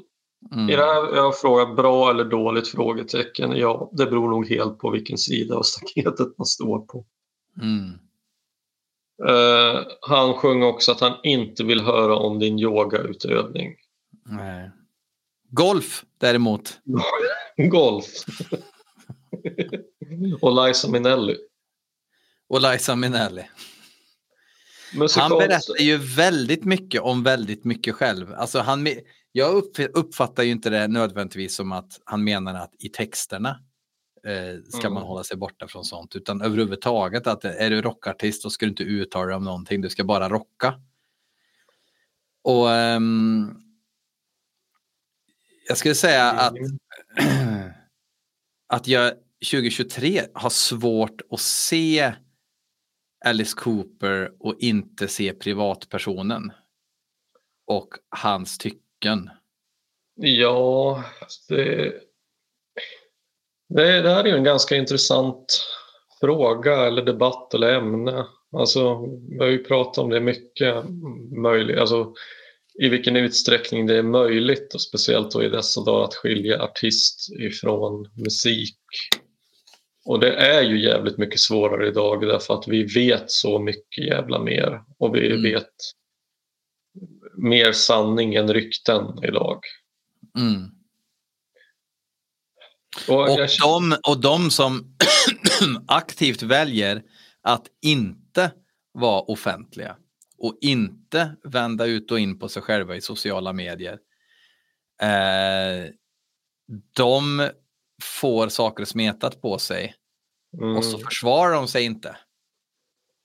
För att de vill inte överhuvudtaget prata om sig själva. Eh, och så blir det problem. Ja, så det blir ju dubbelbestraffning. Det är ju damned if you do and damned if you don't. Mm. Det går liksom inte att göra rätt hur man än vrider och vänder på det. Eh, förutom att det är klart att det finns väl några få undantag. Spontant kommer jag väl att tänka på Laibach, men de har ändå hängt med så pass jävla länge att det räknas inte riktigt.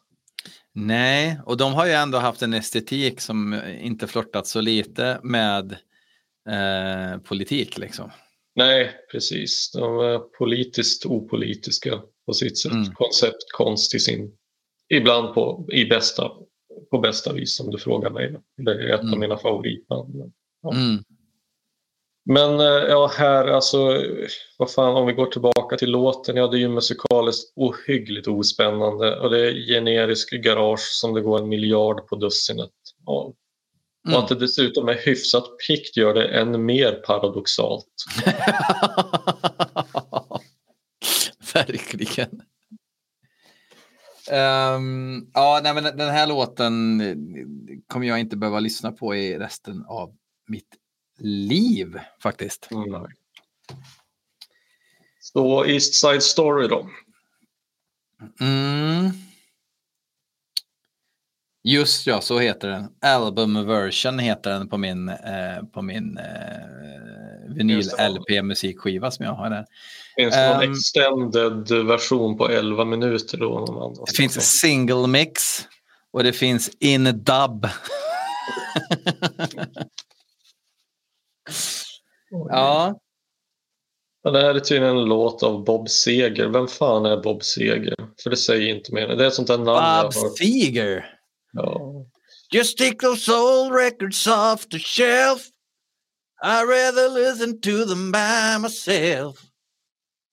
I like that old time rock and roll. Svinbra låt. Eh, jag litar på ditt ord. Ja, Han, det, han gjorde ju även den här Turn the Page som Metallica gjorde cover på. Jaha. Here I go. Jag visste faktiskt inte att det var en cover. Ja, nu har jag väl ingen kommer att lyssna på mig mer igen efter att jag erkänt det här, men så är det. Ja, men Bob Seger var ju, han, han var ju inte liksom bara en eh, boogie- boogie-woogie eh, utan han gjorde ju, han, alltså folk som gillar musik kan gilla Bob Seger också, men jag har bara inte dykt ner i det kaninhålet själv än. Men jag är helt säker på att det är en respektabel artist. Ja, men det här är, det är ju lite, det är lite ro- alltså, ro- jag börjar hata ordet rock mer än livet självt. Och det är rockigt med lite orgeltjutande småsut-solo och så en text om en bad boy som smyger runt på gatan och sannolikt ser ut som en farlig blandning av Martin Karlsson och Stacka Bo. Man har ju släppt igenom på lägre nivå men den går ju inte på repeat i mitt hushåll. Nej, det är ju inte sämsta rocklåten på skivan direkt heller. Nej. Men ändå helt obegripligt varför man gör cover på den. Den Jag fattar ingenting. för men den är ju inte fantastisk. Nej. Den kanske är fantastisk i någon sorts originalversion då med mm, några speciella körer och skit. Men, men här, helt oberörd är jag. Men om det här är en liksom, temaskiva om Detroit, varför? Om Alice hade gjort en temaskiva eller åtminstone en låt om Robocop, då hade jag varit nöjd. Varför finns det inte en sån låt? Ja. ja jag vet inte. Ja, det, alltså, det, det är väl också... det hade ju kunnat bli en bilskiva också. Det hade ju fan varit eh, grav. Så det, Ja, Hold My Beer sa Alice och spelade in en ny skiva som vi ska gå igenom nästa. Ja, jo, det är väl inte en bilskiva. Nu vet inte jag om det, han har släppt någon mer skiva efter Nej, det här. nej, nej. Men, men jag har svårt att tänka mig att det är en som handlar om bilar. Men det, Men så här, och, och lite grann, så här, jag ska inte kaninhålla mer heller, men det, jag får det lite grann till ett wasted opportunity igen. Att jag är helt övertygad om att det skulle gå att göra en jävligt cool eh, och intressant te- temaskiva om just Detroit. Därför att det är Mm. en stad som har gått igenom så mycket. Och vad fan, det är en, Mm. en stad som säger, liksom, jag vet inte riktigt hur man räknar, men typ gått i konkurs. Vi pratar om bilindustrin. Det är, Mm. Hela, alltså det är så mycket, det finns så jävla mycket intressant att ta upp. Men Alice tyckte shut up and rock och ja. Jag tycker det är Mm. så synd. Det, det fanns så mycket Ja. att ta upp. Han skulle kunna ha skildrat, eh, det finns säkert hur mycket dramatiska öden som helst att skildra ifrån den där staden och gjort en tribute på riktigt liksom. Ja, men jag tänker det. Alltså det skivan inleds ju då av en med en låt som Lou Reed har skrivit. Jag tänker på Lou Reeds eh, temaskiva om New York. Vad fan om, om Alice hade gjort något liknande? Ja, men det hade jag nog kunnat köpa. Det hade varit coolt. Men det gjorde han inte. Det gjorde han inte. Nej. Och nu ska han få betygsättas för det han inte gjorde. Ja, alltså. Jag vet inte, hade vi hört den här direkt efter Dragon Town kanske? Så hade jag kanske gillat den lite mer, men jag är bara så urbota trött på att lyssna på de här skivorna nu. Det är som jag skrev till dig, Eh, att när jag lyssnade på den här igår var det, så var det lite vemodigt eftersom jag visste att det skulle vara sista gången jag spelade den här skivan. För jag, jag, är, jag, är, jag är så... Alltså, de som lyssnar, jag vet, eh, ja, det kanske låter som att man koketterar och att det är överdrivet sådär, men alltså, ni ska prova att lyssna på Detroit Stories liksom så här, när ni, när ni är lediga och skulle kunna göra vad ni vill, alltså den lilla tiden i era liv ni har som ni är lediga och ni kan göra precis vad ni vill. Då ska ni sätta er, inte bara ha på den i bakgrunden utan sitta och lyssna på den ska ni göra. Då kanske ni förstår sen ungefär hur, hur det är och faktiskt hur det har varit hela hösten. Så varenda Ja. gång man hör någonting som man tycker, ja men det här är rätt bra. Man blir så jävla glad. Och då tror jag, det är väl det också mycket när vi har pratat om att vi ibland har varit lite för snälla med omdömena. Det är väl det också att de här halmstråna har smakat så fruktansvärt gott när man har kunnat dra i dem. Jo, alltså så är det. Och jag, jag känner mig så här, är det någonting som jag kanske ångrar eh, lite grann då, det är ju precis det som du är inne på. Vi har vi, var nog lite för snälla i början. Vi skulle ha kunnat vara tuffare. Och då kanske de här riktigt, alltså de här skivorna som vi kan vara ärliga om, de här tycker vi inte om i någon större utsträckning. Eh, Då kanske de inte hade känts lika, vi hade kanske inte haft lika stort behov av att ventilera frustration över dem. Jag vet inte om de får ta lite mer, jag vet inte fan om de får ta mer skit än vad de förtjänar för bra är de inte. Men jag fattar att det blir lite kontrast när vi har varit väldigt snälla emot väldigt många skivor och så hatar vi till lite. Men, men jag, jag vet inte, det, det är så mycket här som Ja, jag, jag sa det lite grann till, nyss, men jag säger det igen. Det, jag, jag blir för, lite förbannad. Jag får här lite känsla som när, när, när Quorthon... eh, Jag tänker liksom på hans, inte bara Octagon och Requiem utan även Destroyer of Worlds. Liksom, han säger det här är vad Mm. fansen vill ha. Du, okej jag är inte världens största Bathory-fan men jag är ett fan och det var fan i mig inte Destroyer of Worlds jag suktade efter. Nej. Och det är så här, jag, även med här Detroit, jag tycker det är så jävla synd att han inte gör mer av det för jag tycker det är en jävla intressant stad. Mm. Och inte minst därför att även om inte bandet Alice Cooper eh, kan sägas ha så här vansinnigt mycket med Detroit att göra. Så jag menar, han, grejen är ju att han kom ju därifrån Alice själv. Han växte ju upp där. Så att visst, Mm. jag kan köpa att det finns en barndomsnostalgi, det finns något av. Men gör någonting mer av det. Gör Mm. något som får mig att känna någonting. Och svaret på den frågan är inte Our love will change the world. och, och den låten den lyssnade han fan i mig inte på när han var tio år gammal i Detroit. För den kom 91 då, eller bandet startades 91. Den där låten kom 2005 så det var alltså 50 år efter. Och det är alltså inte ens ett skämt. Nej. Den kom Ja, men- 2005? Ja, Oj! Sa du det förut eller? Nej, jag tror jag kanske tappade bort mig, men jag, jag Ja. skrev det i anteckningen. Men det, men det, det är så också att i allt högre utsträckning så märker jag att det är svårt ibland att göra helhetsbedömningar. Och det är så att ibland så föredrar jag recensioner som gjordes i gamla tv-spelstidningar på, på 90-talet, tidiga 90-talet. Och grafik och ljud och spelkontroll fick sina egna betyg och sen så gjorde man några överslag. Mm. Den här skivan, men ljudet är inom citattecken bra. Den är skitig på precis rätt ställen vilken bara får den att känna, kännas ännu mer överproducerad. Det blir som Mm. nya sönderrivna jeans som man inhandlar i sånt skick på Carlings. Det är som en bajskorv med socker på liksom. Ja.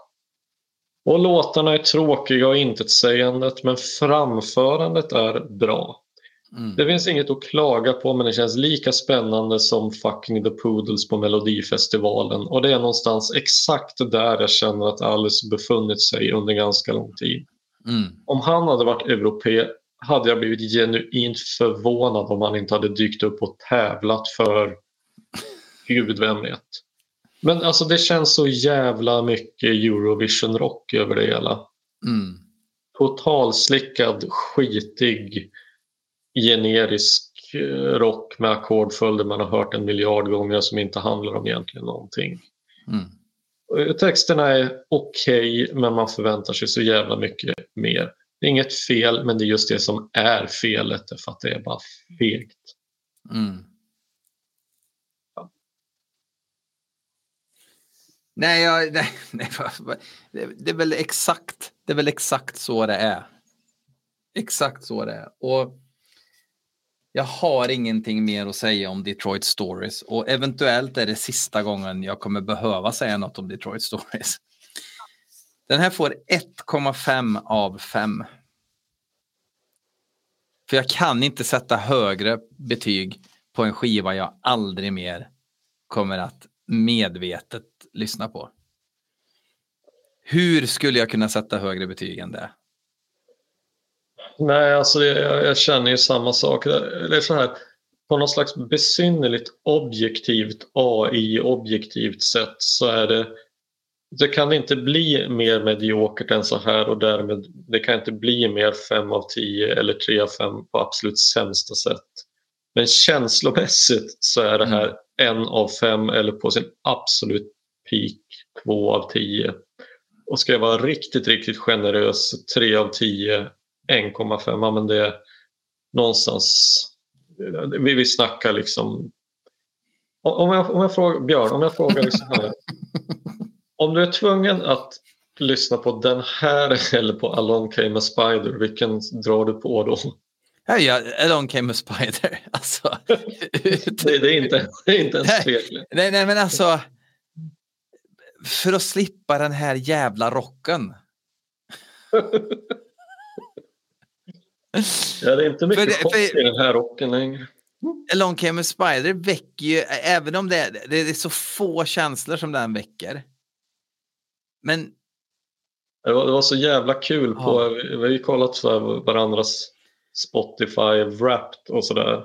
Och, det, och det en av, några av de låtar jag tydligen har lyssnat på mest det här året det är från Along came a spider. Och det är ju enbart för att få kunna komma ihåg hur de går. ja, Alltså de har fått gå så jävla många gånger för att de överhuvudtaget ska lämna ett avtryck. ja fy fan. Det är ju... Um, nu ska vi se. Jag, jag fick ju upp min Spotify Wrapped. Fast jag har ju på YouTube istället. Och lyssna vilka, vilka band som jag har lyssnat mest på. Alltså det, det, det känns som att jag känner mig så jävla tråkig. Alice Cooper, Napalm Death, Motorhead, Sodom och Cannibal Corpse. Cannibal Corpse till och med, det trodde jag inte. Nej, men, jag hade, men, det, men det är för att jag hade en ride där jag tänkte jag skulle lyssna igenom alla Cannibal Corpse-skivor från början till sista. och då hamnar man automatiskt ganska högt upp eftersom då tar jag Ja. antal låtar också antar jag. Men det är ungefär som att det är 1998 fortfarande för mig i vad jag lyssnar på. Sen låtarna då blev nästan jobbigare. Då har jag alltså lyssnat på Bring Sally Up. Det är en sån här workout-låt som jag har gjort plankan till. Det är den som har gått mest. Mm. Sommarlov med grannen Måns. Och det, det är ju inte jag då primärt som har lyssnat på den. Sen det märkligaste av allt, som nummer tre. Man on the Silver Mountain med Rainbow. Det är som att lyssna på Smoke on the Water. Jag kan inte förstå att jag kan ha gjort det. Nej, jag, jag fick också några så här jävligt märkliga grejer som jag, jag har inte någon aning om hur fan de har dykt upp i topp. Tydligen, den låt som jag har lyssnat allra flest gånger på var Repentless med Slayer och jag vet inte riktigt hur det är. Nu tycker jag att det är en jävligt bra låt men det, det är då fan inte den jag tycker mig ha lyssnat allra mest på. Men jag, jag, jag har, jag har ehm, upptäckt med mig själv ganska mycket att om jag vill lyssna på, eh, ja, vad ska det vara? Och, och, jag menar, Cannibal Corpse då. Då tar jag inte på The Bleeding som är en skitbra skiva. Utan jag tar på en skiva som jag tänker, den här har jag ju liksom inte kommit in i någon gång. Så det Så blir Kill den. eller Gallery of Suicide för hela slanten. Ja, Gallery of Suicide är ju skitbra så att det, det, det är ju en annan Ja, femma. Men, ja, men, men jag tar en sån här, här icke-skiva i katalogen bara.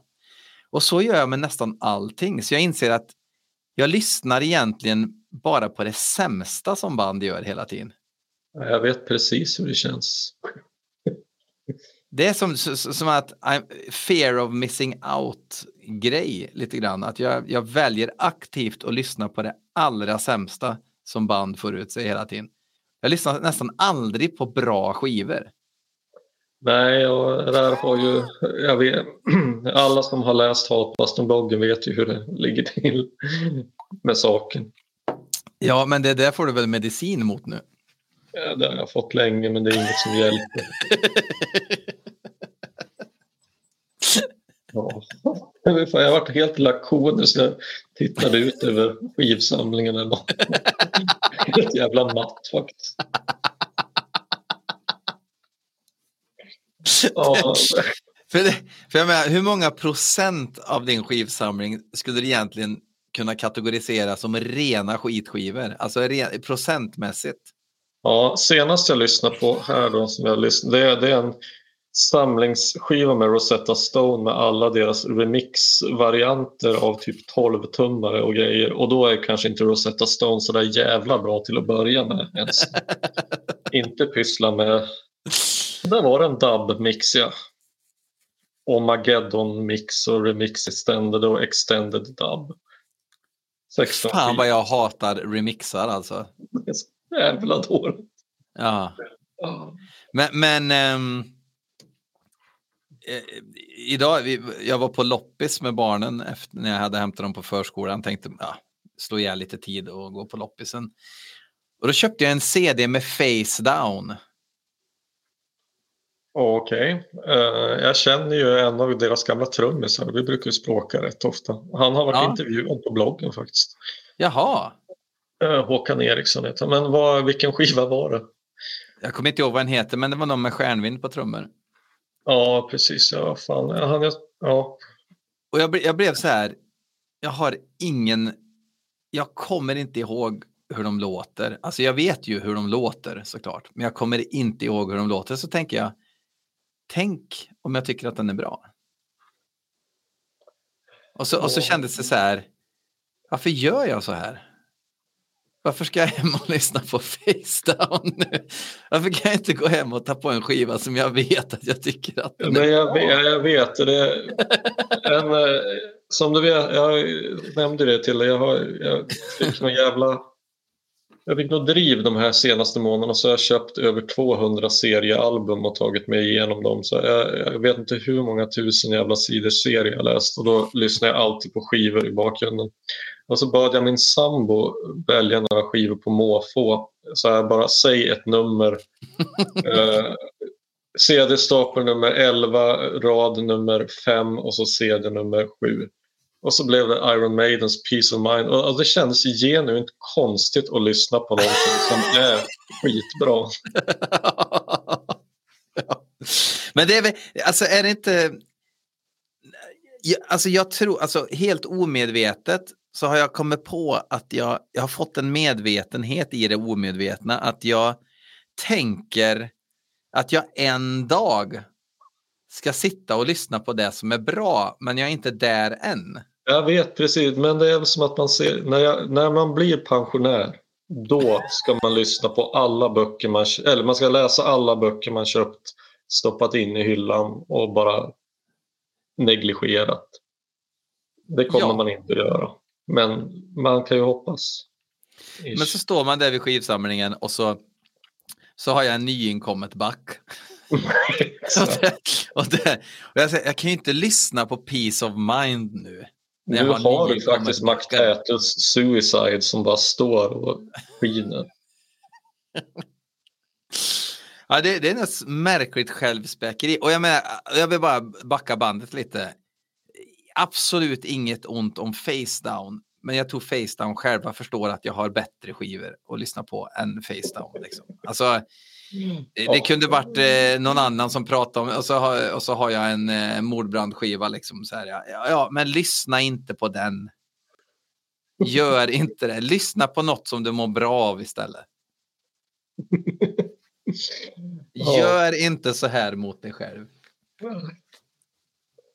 Ja, jag vet inte, vi ser att tiden har ju runnit iväg och nu har vi Ja. pratat om väldigt mycket annat som inte är Detroit Stories. Utan ska vi helt enkelt... Det var ju min favorit under det här poddet när vi pratade om eh, Drew Carey till exempel. Så Ja, ja eh, gud ja, ja. tveklöst. Eh, ja, men med de orden då, åt till nästa gång. Alltså, nu är det ju... Det är inte mycket kvar.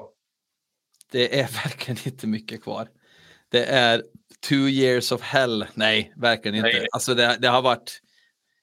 Nu låter det som ett sista avsnitt, det är det ju inte. Men det har ju faktiskt varit otroligt kul det här. Ja, ja, herregud. Och att Det är man, man har bara- lärt känna så mycket folk. Liksom. Jag vet. så jävla galet.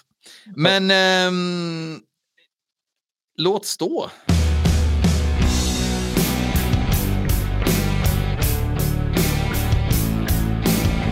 Yeah, I know you're struggling right now. We all are, in different ways. It's like a new world that we don't even know. It's hard to sleep, even harder to dream. But look, you got seven billion brothers and sisters all in the same boat. So don't panic. Life has a way of surviving and going on and on. We're not fragile, and we sure don't break easy. You know it's so hard to cope when you're just hoping We're all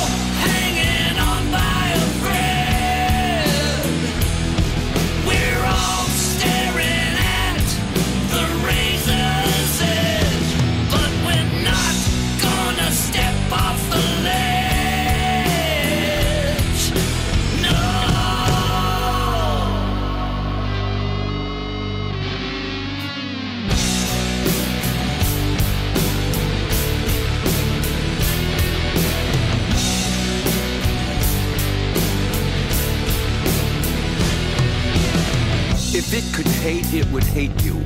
It's a monster, a cold, deadly phantom. It hides in the heart and brain, dreadful and merciless. It has no shape or form.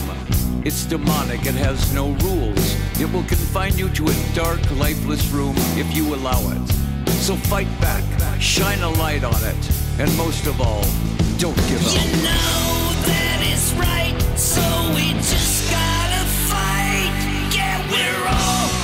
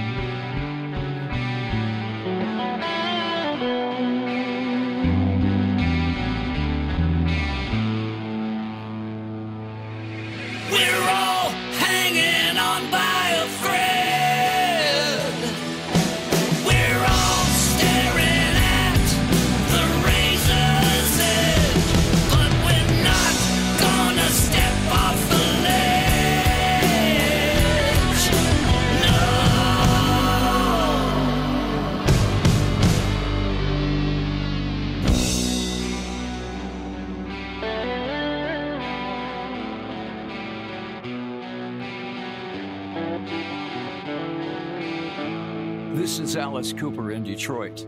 Let's keep fighting. Don't give up. Call the Suicide Prevention Hotline 1 800 273 8255.